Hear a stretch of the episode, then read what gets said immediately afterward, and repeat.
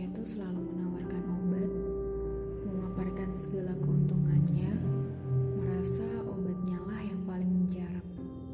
Tapi aku sedang meragukan kemampuannya. Seseorang pernah berkata padaku, jika hatimu sakit, kau merasa kecewa dengan semua hal di dunia ini, bangun, cari teman-temanmu, ceritakan padanya apa yang membuatmu sedih.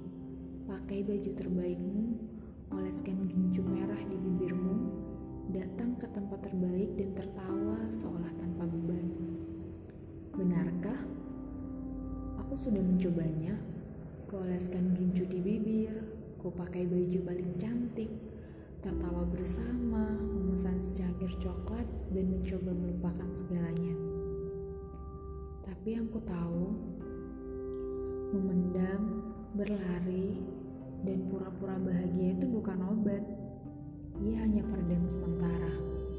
Dan kita tak pernah tahu kapan mereka akan meledak, bukan?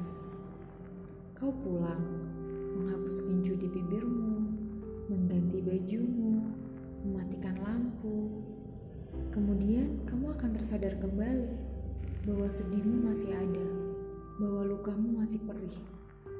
Sebanyak apa pun kau melakukan kebahagiaan yang sifatnya sementara itu, sedihmu masih ada. Jadi, kenapa kau tak coba caraku?